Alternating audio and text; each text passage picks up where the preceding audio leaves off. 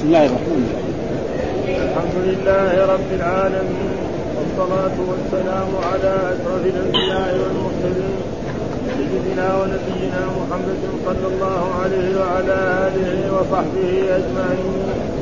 قال الإمام البخاري رحمه الله باب عقوق الوالدين من الكبائر.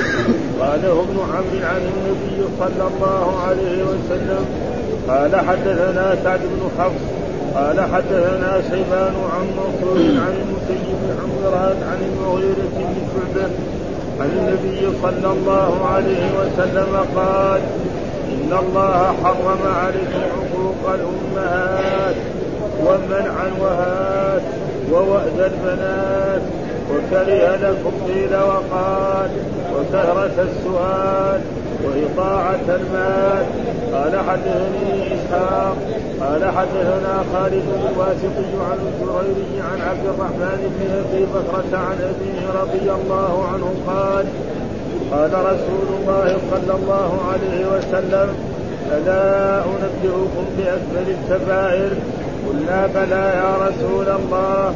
قال ثلاثا الإشراك بالله وعقوق الوالدين؟ وكان متكئا فجلس فقال ألا وقول الزور وشهادة الزور ألا وقول الزور وشهادة الزور فما زال يقولها حتى قلت لا يسكت. قال حدثني محمد بن الوليد. قال حدثنا محمد بن جعفر.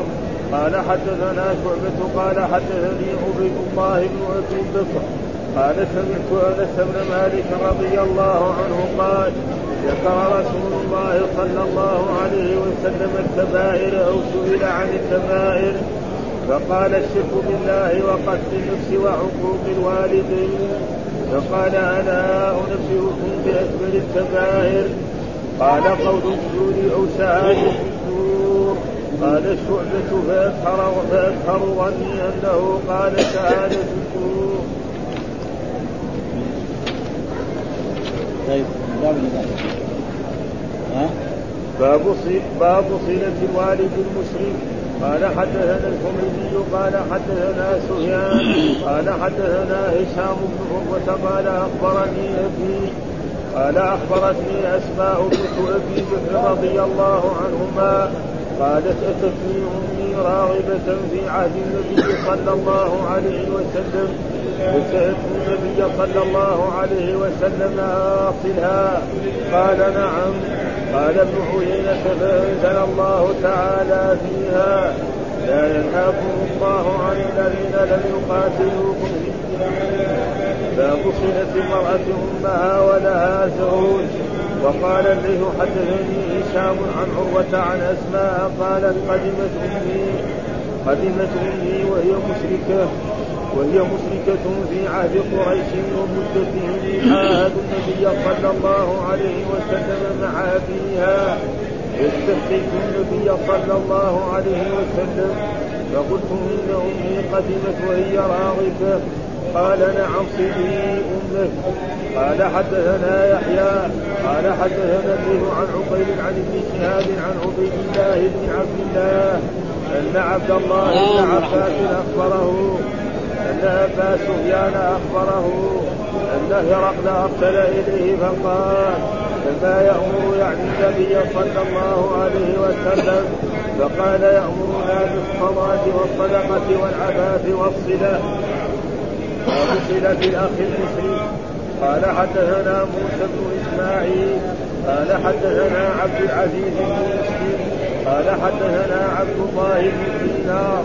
قال سمعت عمر رضي الله عنهما يقول رأى عمر حلة سيراءتهما فقال يا رسول الله ابتع هذه والبسها والبسها يوم الجمعة وإذا جاءك النزول قال إنما يلبسها لمن لا خلاق له فأوتي النبي صلى الله عليه وسلم منها بحدث فأرسل إلى عمر بحدث فقال كيف ألبسها وقد قلت فيها ما قلت. قال إني لم أعطكها لتلبسها ولكن تبيعها أو تكسوها فأرسل بها عمر إلى أخ له من أهل مكة قبل أن. يكفى أعوذ بالله من الشيطان الرجيم. بسم الله الرحمن الرحيم. الحمد لله رب العالمين والصلاة والسلام على سيدنا ونبينا محمد وعلى آله وصحبه وسلم أجمعين. قال الإمام الحافظ محمد بن إسماعيل البخاري رحمه الله تعالى باب حقوق الوالدين من الكبائر. هذا يقرأ هكذا باب. يعني هذا باب وبعد ذلك حقوق الوالدين من الكبائر. مبتدا وخبر. قال مبتدا والوالدين مضاف ومن الكبائر جار مجرور خبر. قاله ابن عمر. هذا علقه الإمام البخاري رحمه الله تعالى وهو حديث مروي عن عبد الله بن عمرو. وبعض رواة البخاري عبد الله بن عمر. وفرق بين عبد الله بن عمر وعبد الله بن عمر بضم العين وعبد الله بن عمرو فتح العين ويجعل واو ها حتى يفرق بين عمر وعمر فعمر لازم يحط إيه؟ واو. وعمر نعم ما يحط حتى يصير في, فرق بين إيه؟ هذا وهذا. ف وهو المحفوظ. وسيأتي في في كتاب الإيمان موصول. يعني يأتي في كتاب الإيمان. الآن علمه الإمام البخاري. وهناك سيأتي بعدين موصول إيش الكبائر؟ الكبائر لها تعريف علمي. ما هو التعريف العلمي؟ كل ذنب ختمه الله بوعيد في الدنيا أو في الآخرة. أو لعنه الرسول أو تبرأ منه.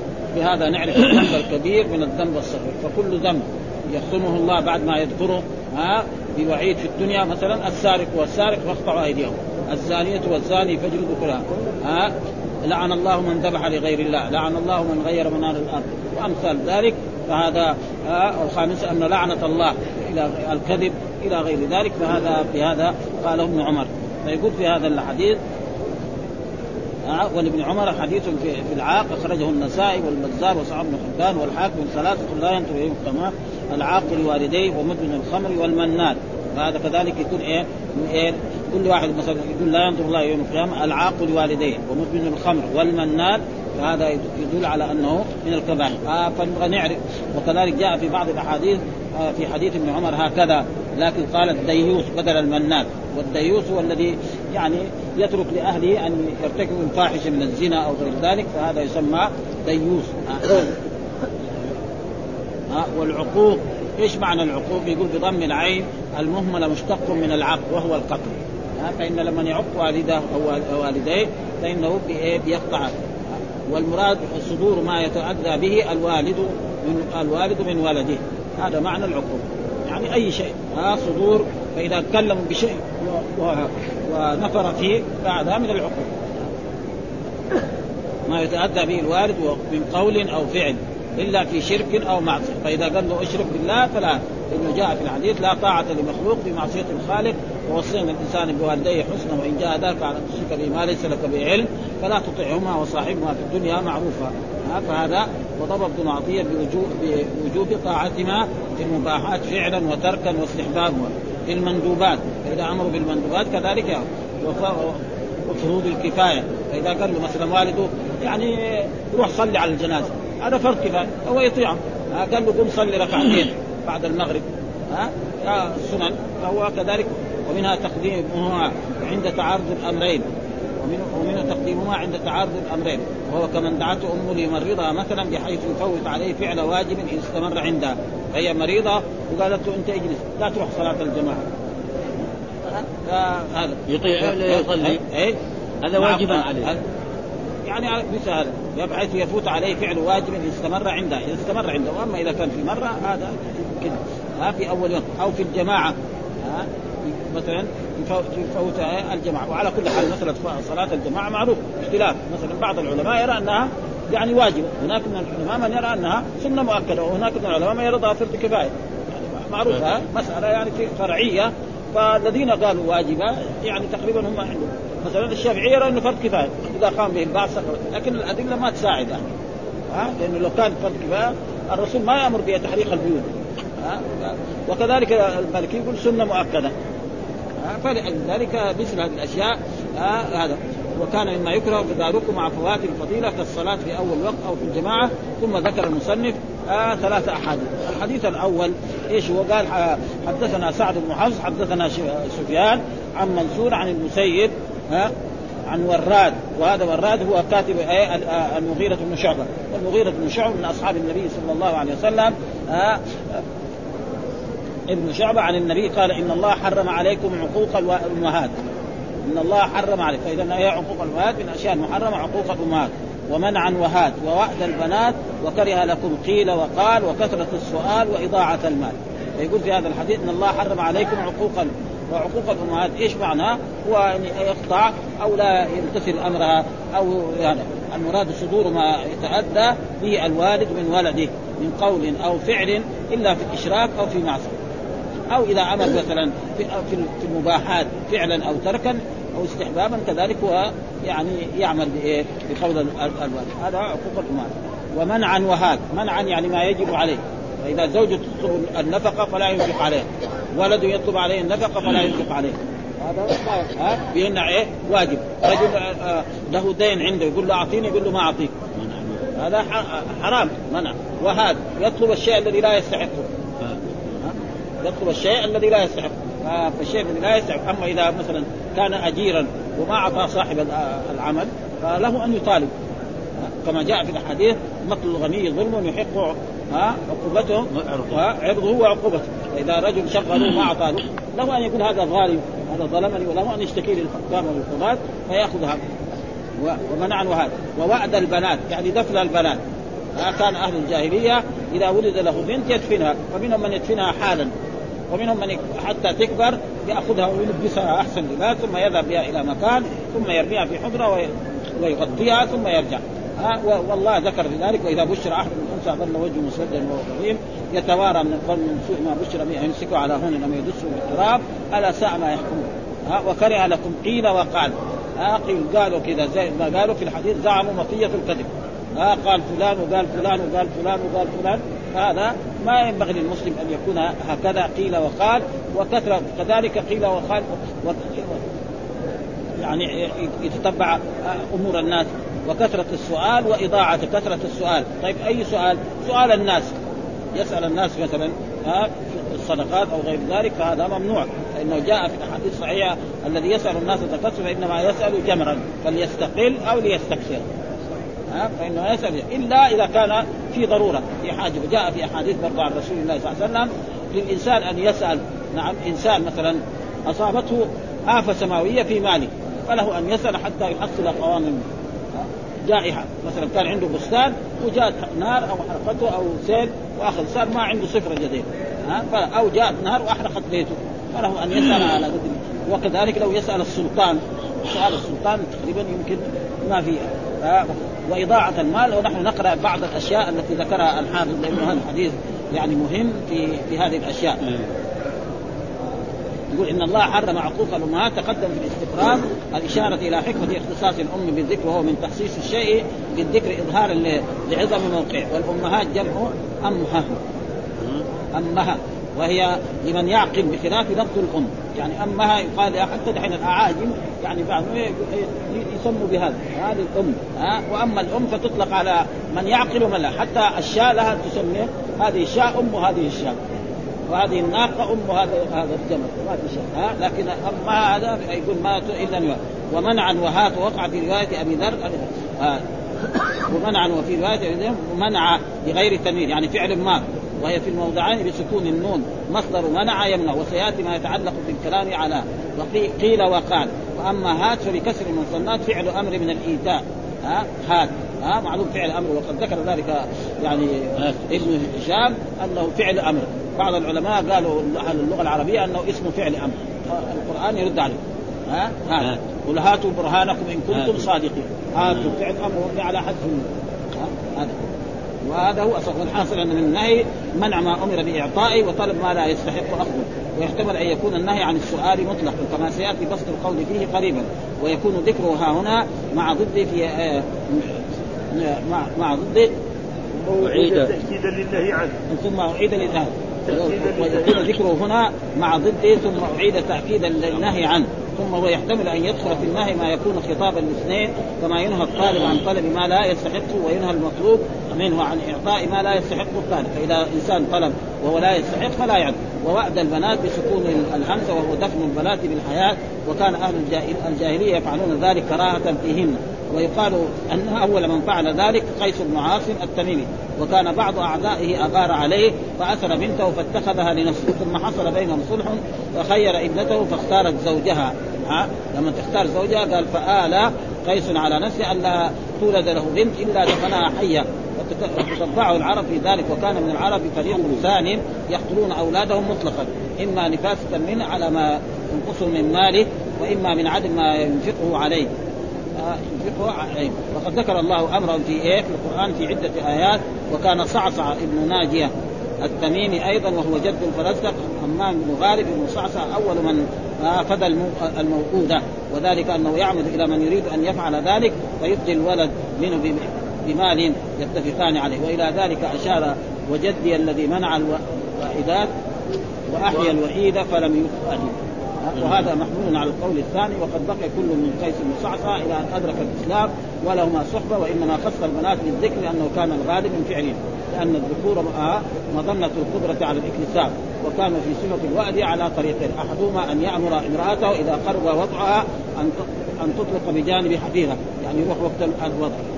فإذا وضعت ذكرا أبقت وإذا وضعت أنثى طرحتها في الحفيره وهذا أليق بالفريق الأول ومنهم من كان إذا صارت البنت سداسيه قال لأمها طيبيها وزينيها لأزور بها اقارب ثم يبعد عنها في الصحراء حتى يأتي البئر فيقول لها انظري فيها ويدفعها من خلفها ويطمها وهذا اللائق للفريق الثاني والله وكره لكم قيل وقال وكان ينهى عن قيل وقال كذا للاكثر في جميع المواضع بغير تنوين ووقع في رواية الاسمين هنا قيلا وقال والأول أشهر قيل وقال على أنه فعل هذا وفيه تعقب على من زعم أنه جائز ولم تقع به الرواية.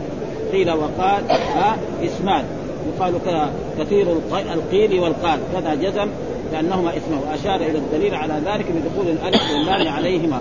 وقال ابن دقيق العلم لو كان اسمين بمعنى واحد كالقول لم يكن لعطف أحدهما على الآخر فأشار إلى تنكيح الأول. قيل وقال. قيل هذا مبني للمجهول وقال مبني للمعلوم. هذا هو الصحيح. قيل هذا مبني للمجهول يكون له نائب فاعل. وإذا قيل إن وعد الله حق. وقال موجود فعل ماضي. وإنما كرره للمبالغة والزجر. ثانيما إرادة حكاية أقاويل الناس يعني قيل آه والبحث عنها ليخبر عنها. يعني يروح بعض الزملاء وبعض الاصدقاء يسألهم يعني إيه عن كيف حالتك وكيف أكلك وكيف شربك وكيف وبعد ذلك يروح يخبرها هذا كذلك ما ينبغي للإنسان أن يسأل أشياء لا فائدة له فيها. فيسأل حياة الإنسان في بيته وعن أهله وعن كيف آه. هذا لا ينبغي للإنسان المسلم يفعل آه ذلك. ها والنهي إما للزجر عن الاستكثار منه وإما لشيء مخصوص منه وهو ما يكرهه. ها المحكي ثالثها أن في ذلك في حكايه في حكاية الاختلاف في أمور الدين.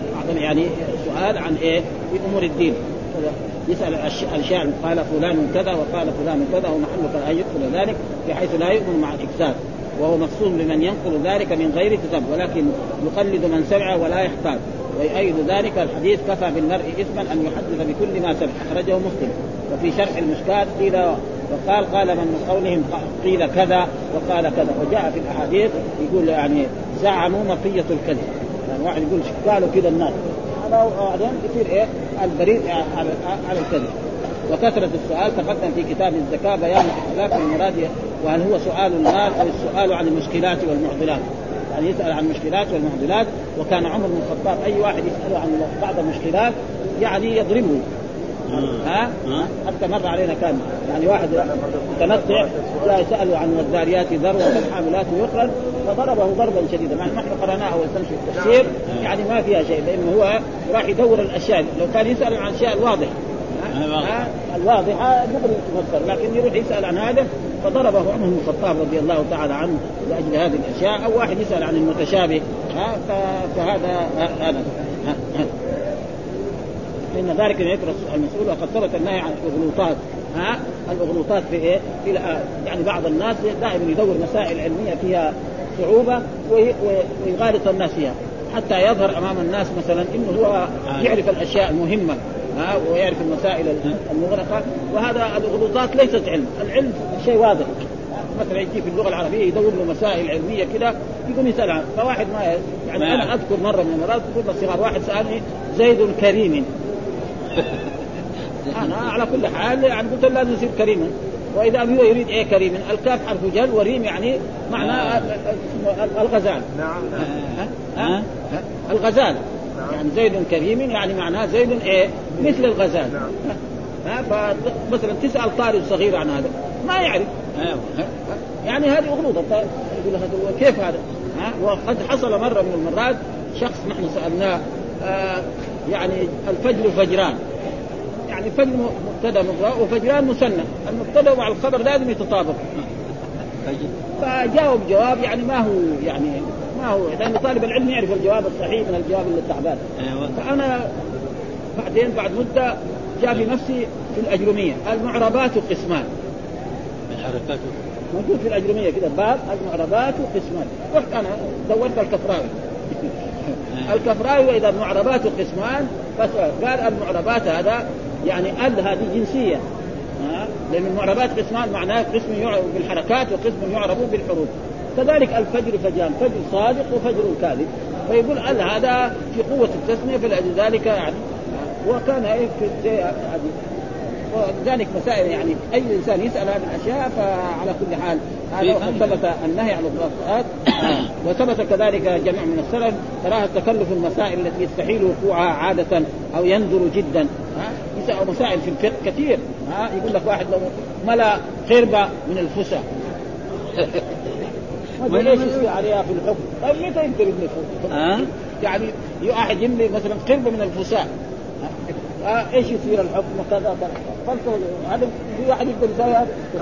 ينقض الوضوء يقول له. ها؟ ينقض الوضوء يعني فاشياء مثل هذه الأشياء قال ثم قال وأما تقديمه في آه، آه، وأما ما تقدم في اللعان فكره النبي صلى الله عليه وسلم. مثال الرجل اللي جاء سأل يا رسول الله. فقال يا رسول الله الانسان لو وجد رجلا مع امرأته. ها؟ تقدم لنا. آه، ماذا يفعل؟ يقتل تقتلونه؟ أو يسكت؟ فالرسول ما ما حب هذا السؤال طيب وإذا به هو بيقع؟ في المشاة راح بعد سال سأل بنفسه وإذا به بعد ذلك تبين اللعان ولذلك لا يجوز الانسان أن يسأل عن قال ويشير إليه حديث أعظم الناس جرما عند الله من يسأل عن شيء لم يحرم فحرم من أجله. ها؟ وثبت أيضا ضم السؤال للمال ومدح من لا آه يلحف كقول لا يسألون الناس الحاف وتقدم في الزكاه حديث لا تزال المسألة بالعبد حتى يأتي يوم القيامة وليس في وجهه مزعة لحم. وفي صحيح مسلم إن إن المسألة لا تحل إلا لثلاث. ها فقر مدفع وغرم مفزع يكون يعني عنده ديون وجائحة وفي السنن إذا سألت فاسأل الله. وفي سنن أبي داود إن كنت لابد سائل فاسأل الصالحين. وقد اختلف العلماء في ذلك المعروف عند الشافعية أجاز أنه طلب مباح فأشبه العارف. وحملوا الأحاديث الواردة على من سأل من الزكاة ألو... من الزكاة الواجبة ممن ليس من أهلها فلا يجوز للإنسان الغني أن يأخذ فإذا أعطاه شيء وقال له هذا زكاة وهو غني لا يجوز إذا كان عنده نصاب أو كان كما قال النووي شيء واتفق العلماء على النهي عن السؤال من غير ضرورة. واختلف أصحابنا في سؤال القادر على الكسب على وجهين أصحابهم التحريم التحريم لظاهر الأحاديث. الثاني يجوز مع القراءة بشروط ثلاثة ألا يرح ولا يذل نفسه زيادة على ذل نفس السؤال ولا يؤذي المسؤول. قال فقال ها؟ فإن دخل شرط من ذلك حرب وقال الفاكهة المقصود يعني هذا حرب. وإضاعة المال تقدم في الاستقراض بالأكثر حملوه على الإسراف. ها؟ يعني يكفيه عشرة فهو ينفق عشرين أو ثلاثين في بيته. ها؟ أو يدعو رجال لدعوة في بيته فهم خمسة أنفار يجيب طعام عشرين نفر أو عشرة أنفار. فهذا تقريبا يعني هذا تقريبا الثاني يقول لك دفع 90000 حق الكهرباء عقلت تلفون حتى لو من هلا ولا شهر. هذا إيش ما يمكن. هذا ها؟ وذهب بعض الشيء على أنه ليس بإسراف قال لأنه تكون به مصلحة البدن وهو غرض صحيح المقصود يعني آه، أول الايه يعني آه، وأما إنفاقه في المنازل المباحه فهو موضع الاختلاف. يعني وجاء في الاحاديث أن الإنسان يعني إذا أنعم الله على عبده يحب أن يرى أثر نعمته عليه. وجاء في الحديث كل ما شئت واشرب ما شئت والبس ما شئت بدون سرف ولا محيلة ها؟ وقال والذين إذا أنفقوا لم يسرفوا ولم يقتروا وكان بين ذلك قواما أن الزائد الذي لا يليق بحال المنفق إسراف. ثم قال ومن بذل مالا كثيرا في غرض يسير تافه عده العقلاء مضيعا بخلاف عكسه والله أعلم. والحديث أصل في معرفة حسن الخلق وهو تتبع جميع الأخلاق الحميدة والخلال الجميلة. الحديث الثاني برضه بأكبر الكبائر قالها ثلاث مرات ثم عادها آه على عادته في تكرير الشيء. وكان الرسول دائما إذا تكلم يكرر الشيء ثلاث مرات. عد الكبائر وهو وليس هذا معناه أن الكبائر بس هذا ها فإنه في كتاب للكبائر عدها إلى سبعين. ها؟ وجاء في حديث سبعة. وهذا كيف يختلف؟ السبب في ذلك أن الرسول يخبر الناس أول ثم يأتيه الوحي ها؟ وما ينطق عن الهوى. أول قال لهم ثلاثة بعدين قال لهم سبعة بعدين قال لهم في أحاديث. فجمعها يعني الإمام الهيثمي؟ صاحب كتاب الكبائر. ذهبي. ذهبي. ابدا. يعني إلى السبعين بس. وتعريفها علميا هذا كل ذنب خطأ. 700 ها؟ 700 القرآن يقول 70 أو إلى 700 عجيب 700 أنا عارف إلى 70 هو جماعة عنده كتاب في هذا. فإذا وتعريف هذا العلم يكفي. كل ذنب ختمه الله بوعيد في الدنيا أو الآخرة أو لعنه الرسول أو تبرأ منه. فيصير ها؟ هذا هذا ها؟ وقال إن الله لا يغفر أن يشرك به ويغفر واجابوا عن ذلك. الآية يحتج على القول الأول. ان تجتنبوا كبائر ما أن المراد الشرك وقد قرأ البراء من كبائر فالمراد هو كبير. وكذلك الكبائر تنقسم إلى قسمين في كبيرة وفي أكبر. ها؟ مثلا الزنا حرام. الزنا لزوجة الجار أشد. ها؟ وقد جاء في الحديث سئل الرسول أي الذنب أعظم قال أن تجعل الله ندا وهو خلقه وأن تزني بحليلة جاري ها؟ هذا يعني هذا أشد من إيه؟ ولذلك يعني وقد يأتي لفظ الجمع والمراد به الواحد كقوله كذبت قوم نوح للمرسلين ولم يرسل إليهم غير نوح. والذي يكذب الرسول كالذي كذب جميع الرسل. وهذا معروف زي المسلمين الآن اتباع الرسول صلى الله عليه وسلم يعني يؤمن بجميع الرسل. بخلاف دحين اليهود والنصارى لا اليهود ما ما يؤمنوا بإيه؟ بعيسى عليه السلام. بل يقولوا في كلام ما يقدر الإنسان يقوله. وكذلك لا آه اليهود لا يؤمنوا بموسى آه فلذلك هذا والإرشاد المرضي على كل ذنب ثم ذكر يعني في الحديث الثاني وهو هذا ظاهر يعني ما في يعني بس حبينا نفهم هذا آه قال ألا انبئكم قال حدثنا إسحاق. قال حدثنا خالد الواسطي عن عن جرير عن عبد الرحمن بن أبي بكر عن أبيه. فقال قال ألا أنبئكم بأكبر الكبائر؟ ألا أنبئكم؟ هذا حرف تنبيه. زي ألا إن أولياء الله لا خوف عليهم ولا بأكبر الكبائر. ها الكبائر كبيره وأكبرها؟ قلنا بلى يا رسول الله. قال ثلاثة. ها قالها ثلاث. بلى يا رسول الله؟ قال ثلاثا. الاشراك بالله وعقوق الوالدين. قال ثلاث يعني الكبائر ثلاثة. قال ثلاث يعني الرسول قال الإشراك بالله. وهو الشرك المراد الشرك الأكبر. وهو عبادة غير الله معه وأن تجعل الله ندا وهو خلقه. هذا تعريف الشرك علميا. ها؟ يعني. ليس معناه إنه يعني يعتقد أن غير الله يخلق. هذا ما في أحد.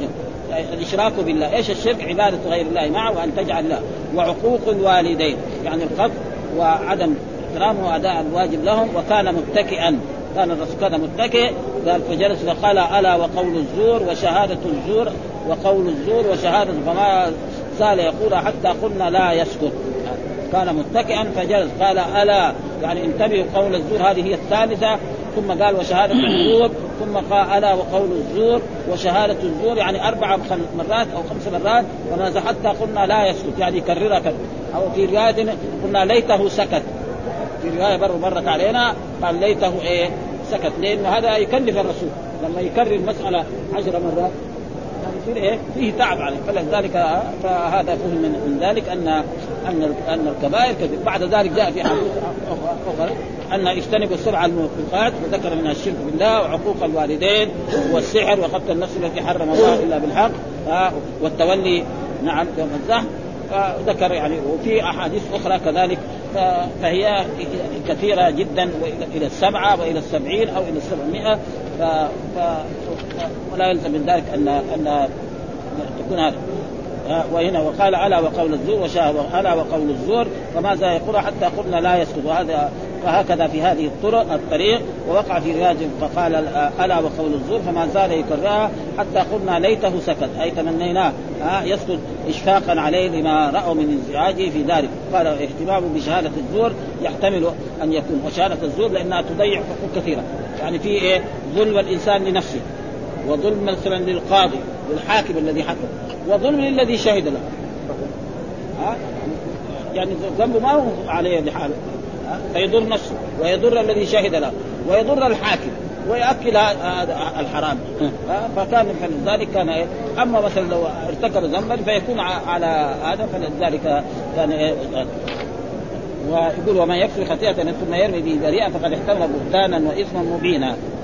ها؟ وفي الجملة في مراتب قالوا وفي الجملة فمراتب الكذب متفاوته بحسب تفاوت المفاسد قال وقد نص الحديث الصحيح على أن الغيبه والنميمة كبيرة والغيبة تختلف بحسب القول القول المختار فيه. الغيبة بالقذف كبيرة ها ولا تساويها الغيبة بقبح الخلقة أو الهيئة مثلا ها أي واحد يرميه مثلا يقول أنا فلان يرتكب المعاصي الفلانية واحد يقول فلان طويل أو قصير. هذا غيبة. فهذا صحيح. ما هو ما هو هذا ويجوز أن يكون من عطف الخاص على العام لأن كل شهادة الزور قول الزور بغير عكس ويحتمل قول الزور على نوع خاص.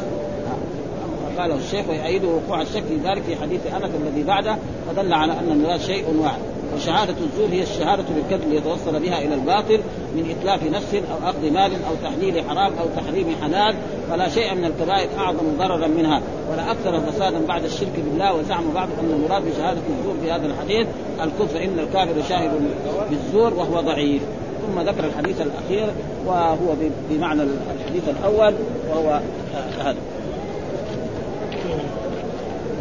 قال حدثنا آه، ابن الوليد محمد بن الوليد قال حدثنا محمد بن جعفر حدثنا شعبة حدثنا عبيد الله بن أبي بكر قال سمعت أنس بن مالك قال ذكر رسول الله صلى الله عليه وسلم الكبائر أو سئل عن الكبائر قال الشرك بالله وقتل النفس وعقوق الوالدين فقال ألا أنبيكم بأكبر؟ قال قول الزور وشهادة الزور. قال شعبة وأكثر ظني أنه قال شهادة الزور. والمعنى واحد. فهذا تقريبا يعني آه فاذا هذه الأشياء يعني من الكبائر يجب الإنسان ان يجتنبها المسلم. ثم ذكر باب صلة الولد آه، الوالد المشرك. باب صلة الوالد المشرك. وهل يجوز للإنسان إذا كان مثلا هو مسلم؟ نعم. وجاء والده الكافر أو المشرك هل يصله بشيء من أمور الدنيا؟ الجواب يصله ها؟ فإذا احتاج الطعام يطعمه يحتاج الشراب يحتاج السكنة يسكنه يحتاج مثلا خدمة في نفسه مريض يخدمه ولو كان مشركا. إيش الدليل؟ هو قصة آه، يعني أسماء آه، بنت أبي بكر الصديق قدمت أمها يعني من مكة إلى المدينة في أيام الهدنة التي صارت بين رسول الله صلى الله عليه وسلم وبين قريش. يعني بعد عام الحديبية. ان عام الحديبية كان في عام ستة واجتمع واتفق الرسول مع قريش على أنه لا يحاربهم عشر سنين وهم لا يحاربونه عشر سنين وأن من فر من قريش إليهم. نعم. يعني الرسول يرده ومن فر من أصحاب الرسول إلى قريش لا يردونه وأن الرسول لا يدخل مكة في هذا العام وفي العام المقبل يدخل مكة فصار إيه؟ ناس من أهل مكة من كفار مكة له بنت أو له قريب يجي يزوره في المدينة. واحد مثلا من المسلمين هنا له أم في مكة يروح يزورها صار إيه؟ في فوائد. يعني عام آه، عام سبعة وفي عام ثمانية نقضوا العهد.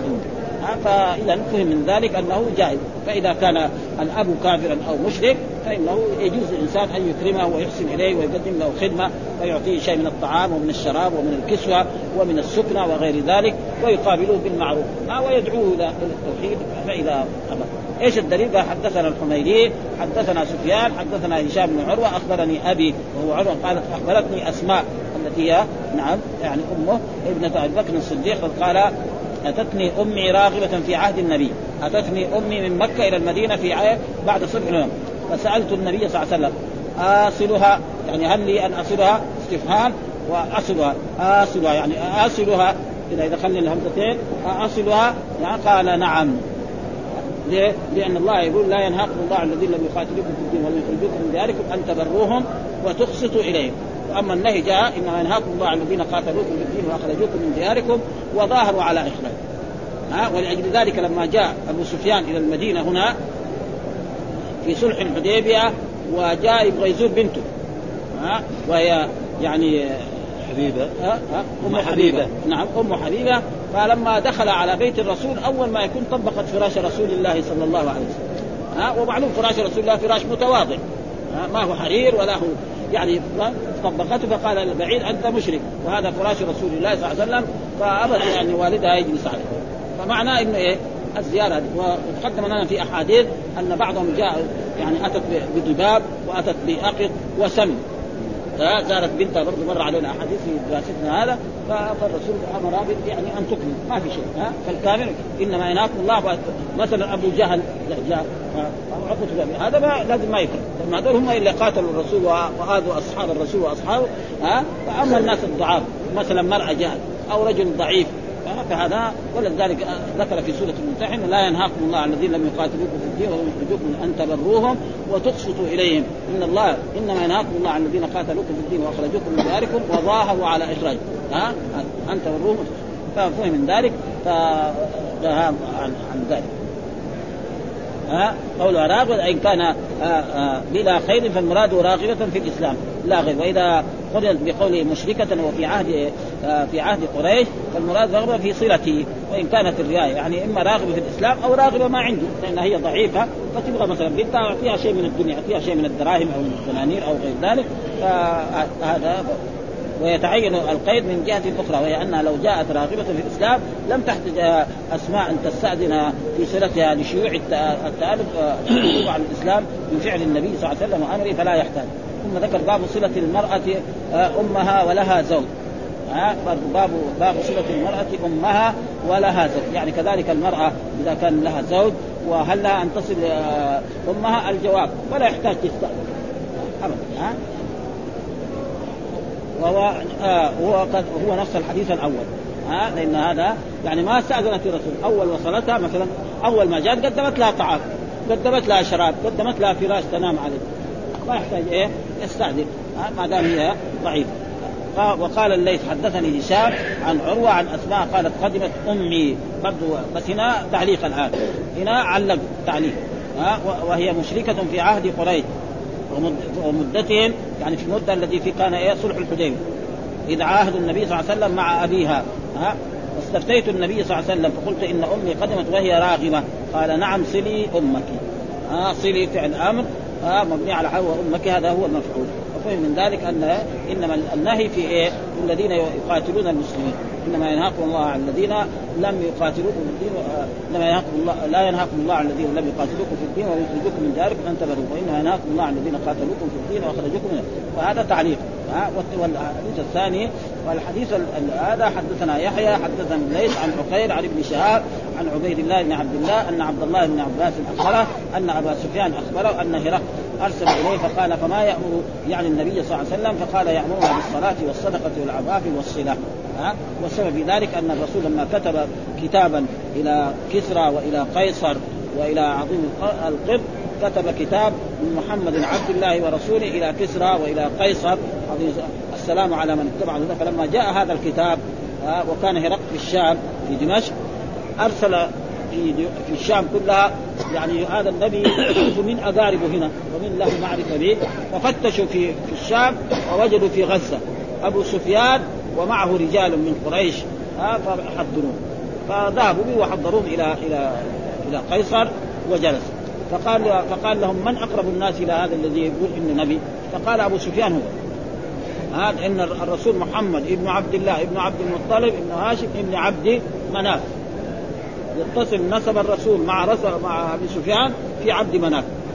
فقال طيب آه يعني قال أنا سائلكم أنت اجلس.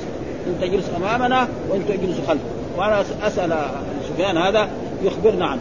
فسألوا عشر أسئلة. ثم بعد ذلك جاوبوا عن الأسئلة. فقال له إيش يكون فيكم؟ من جهة النسب؟ قال هو فينا ذو نسب.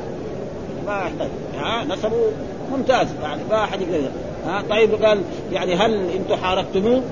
قال نعم حاربنا الحرب بيننا وبينه سجال. يعني ينال منا. يعني في بدر الرسول قتل سبعين وأسر سبعين. وفي أحد هم قتلوا سبعين. ها؟ طيب هل يعني هل يعني أحد ممن دخل في الإسلام في دينه يرتد؟ قال لا. طيب قال يعني من أتباعه؟ الناس الكبار والعظماء ولا الناس؟ قال الضعاف. ها؟ وكذلك طيب بماذا يأمر؟ وهو هذا المحل الشاهد. ها يأمرنا بإيه؟ يعني يأمرنا بالصلاة، يأمرنا أن نصلي الصلوات الخمس والصدقة نتصدق والعفاف ما نرتكب الفواحش والصلة. الصله تراه بعد ذلك جاوب هو على العشر الاسئله كلها جاوبوا كلها على العشر الأسئلة. قال هذه عادة الله ما يرسل الأنبياء إلا إيه؟ من جهة النسب يكون هذا النسب ودائما أتباع الرسول هم الناس الضعاف. اتبعك الذين هم أراذلنا بادي الناس الشياطين دول ما يرضوا لأنه يخافوا إيش؟ على الرئاسة حقتهم دائما وجاوب عليه قال له إن كنت هذا الكلام قلت صادق إنه سيملك ما تحت قدمي هذا. إذا هذا الكلام أنت صادق سيملكه. وبالفعل ما مضت يعني تقريبا 15 10 سنوات. هذا دحين يمكن في السنة التاسعة ها يعني في السنة الرابعة عشر والخامسه السابع عشر وإذا جيوش المسلمين عمر بن الخطاب يغزو وينتصر ويأخذ يعني قيصر. ثم بعد ذلك هو فر وإلا هو أراد يسلم. وأراد أن يسلم وجمع آه، رؤساء وأغلق البيبان. وقال لهم يعني إما اتبعوا الرسول وإما سلموا له الجزية. فشافهم نفروا فقال لا أنا بس أريد أختبركم وأشوف عندكم يعني صلابه لدينكم. وإلا هو كان ولا ثم مات هناك في إيه؟ يعني في روما كافرا مشركا. وأما كسرى فمزق كتاب رسول الله صلى الله عليه وسلم فمزق الله ملكه. بعد سنوات بسيطة هذا لأنه شق كيف واحد عربي يكتب له؟ ها؟ ها؟ فمزق الله ملكه في بعض سنوات وهذا محل الشاهد يعني آآ آه، آآ آه، فقال يأمرنا بالصلاة والصدقة والعفاف والصلة. ها؟ يعني نصل ارحامنا وأقاربنا. وهذا تقريبا مر أول أول حديث يعني في صحيح البخاري تقريبا بعد ما جاء في حديث إنما الأعمال بالنيات كنا قراناه قال وذكر في أول الصحيح وذكرت كثيرا من فوائده أيضا في تفسير آل عمران والمراد هنا ذكر الصلاة فيؤخذ حكم الترجمة من عمومها، الثاني حديث اسماء بنت المشار اليه أورده معلقا فقال وقال الليث حدثني هشام بن عروة وقد وقع لنا موصولا في مستخرج أبي نعيم إلى الليث ووقع لنا بعلو في جزء أبي جهم وقد حديث أسماء أباح لأسماء أن تصل أمها ولم يستطع في ذلك. ثم ذكر كذلك باب إيه؟ يعني باب صلة الأخ المشرك. قال الإنسان إذا كان اخ مشرك له أن يصله بإيه؟ بمسائل دنيوية. يعني يرسل له مثلا هدية ثياب. ها؟ ثياب يرسل له يرسل له طعام إذا كان فقير أو محتاج فإن ذلك لا بأس ليه؟ لأن عمر بن الخطاب رضي الله تعالى عنه لما أعطاه أهدى له الرسول أعطاه حلة وكانت من الحرير. والمسلم لا يلبس الحرير. أرسلها إلى أخيه لأمه ووصله بها. فيصير هذا قد يكون سبب في حب الإسلام. زي ما كان الرسول كان يعطي المؤلفه قلوبهم ويعطيهم 100 من الإبل. لما يرجع من فين؟ جيت من محمد. والله محمد ده رجل طيب أعطاني 100 من الإبل. خلاص خربان كان هو. يقول هذا هذا محمد هذا رجل طيب يعطيه لما يعطيهم 100 من الإبل صار تاجر هذا. أكبر التجار في ذلك العهد. ها فيكون إسلامه تعبان أو ما أسلم أو واحد كمان طماع زيه. سمع أن الرسول محمد يعطي 100 من الإبل أو 1000 من الإبل أو الذهب يجي كذلك يشهد أن لا إله إلا الله في الظاهر فيعطيه فيكون سبب في إيه؟ في إسلام ولذلك قال باب صلة الاخ المشرك ها إذا لم يكن إيه؟ إيش الدليل؟ قال حدثنا آه، موسى بن إسماعيل حدثنا عبد العزيز بن مسلم حدثنا عبد الله بن دينار قال سمعت ابن عمر يقول رأى عمر حلة وقلنا الحلة معناها الإزار والرداء هذا معنى الحلة في اللغة العربية سيراء يعني إيه؟ يعني آه، حرير سيراء معناه يعني تباع فقال يا رسول الله ابتع هذه والبسها يوم الجمعة. يعني اشتريها. ابتاع معناه اشتري والبسها يوم الجمعة وإذا جاءك الوفود. فإن الرجل الكبير العظيم لما يجي الوفود يكون إيه؟ على أحسن لباس. ها لأنه قال إنما يلبس هذه من لا خلاق له. قال الرسول إنما يلبس هذه لأن الحرير حرام على الذكور. والرسول هو أول قدوه لهذا.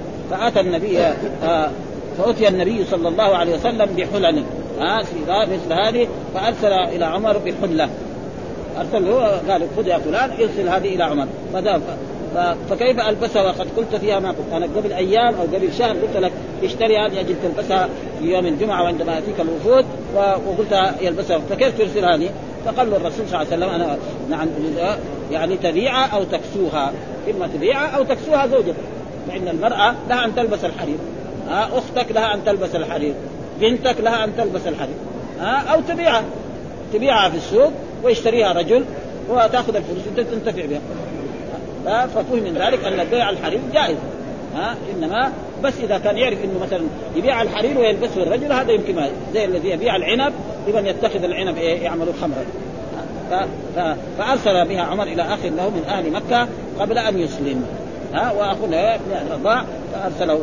وهذا دليل على أنه ليس فيها يعني أي شيء. وكذلك هنا باب صلة الرحم. والرحم قال حدثنا أبو الوليد قال حدثنا آه، إيش الرحم؟ كل ما يصل بك من قرابتك فالأب والأم والعم والخال والخالة كلهم دول يسمى رحم. والقرآن يقول ها؟ يا الناس خلقكم من نفس واحدة وجعل منها زوجها وبث منها رجالا كثيرا ونساء واتقوا الله الذي تساءلون به والأرحام. والارحام ليس زي ما يظن العامة. الأرحام بس اصهاره إذا تزوج بنته أو تزوج أخته هذا هو الرحم لا هذا غلط؟ الأرحام كل من يصلك هذاك يسمى صهر ها؟ إذا تزوج بنت فلان فهذا أبو البنت هذه أو المرأة صهرك لا يسمى إيه؟ ها؟ صلة. وبرضه تصل. هو برضه يعني في مقام الأب ولذلك باب فضل صلة الرحم. إيش الدليل؟ قال حدثني أبو الوليد قال حدثنا شعبة أخبرني أبو عثمان سمعت موسى ابن طلحة عن أبي أيوب قال قيل يا رسول الله أخبرني بعمل يدخلني الجنة حول الإسناد ثم أتى بالحديث نفسه عن عبد الرحمن بن بشر حدثنا باز حدثنا شعبة حدثنا ابن عثمان عن عثمان انما سمع موسى ابن أبي طلحة عن أبي أيوب الأنصاري الذي كان يعني نزل الرسول عند لما وصل المدينة قال يا اخبر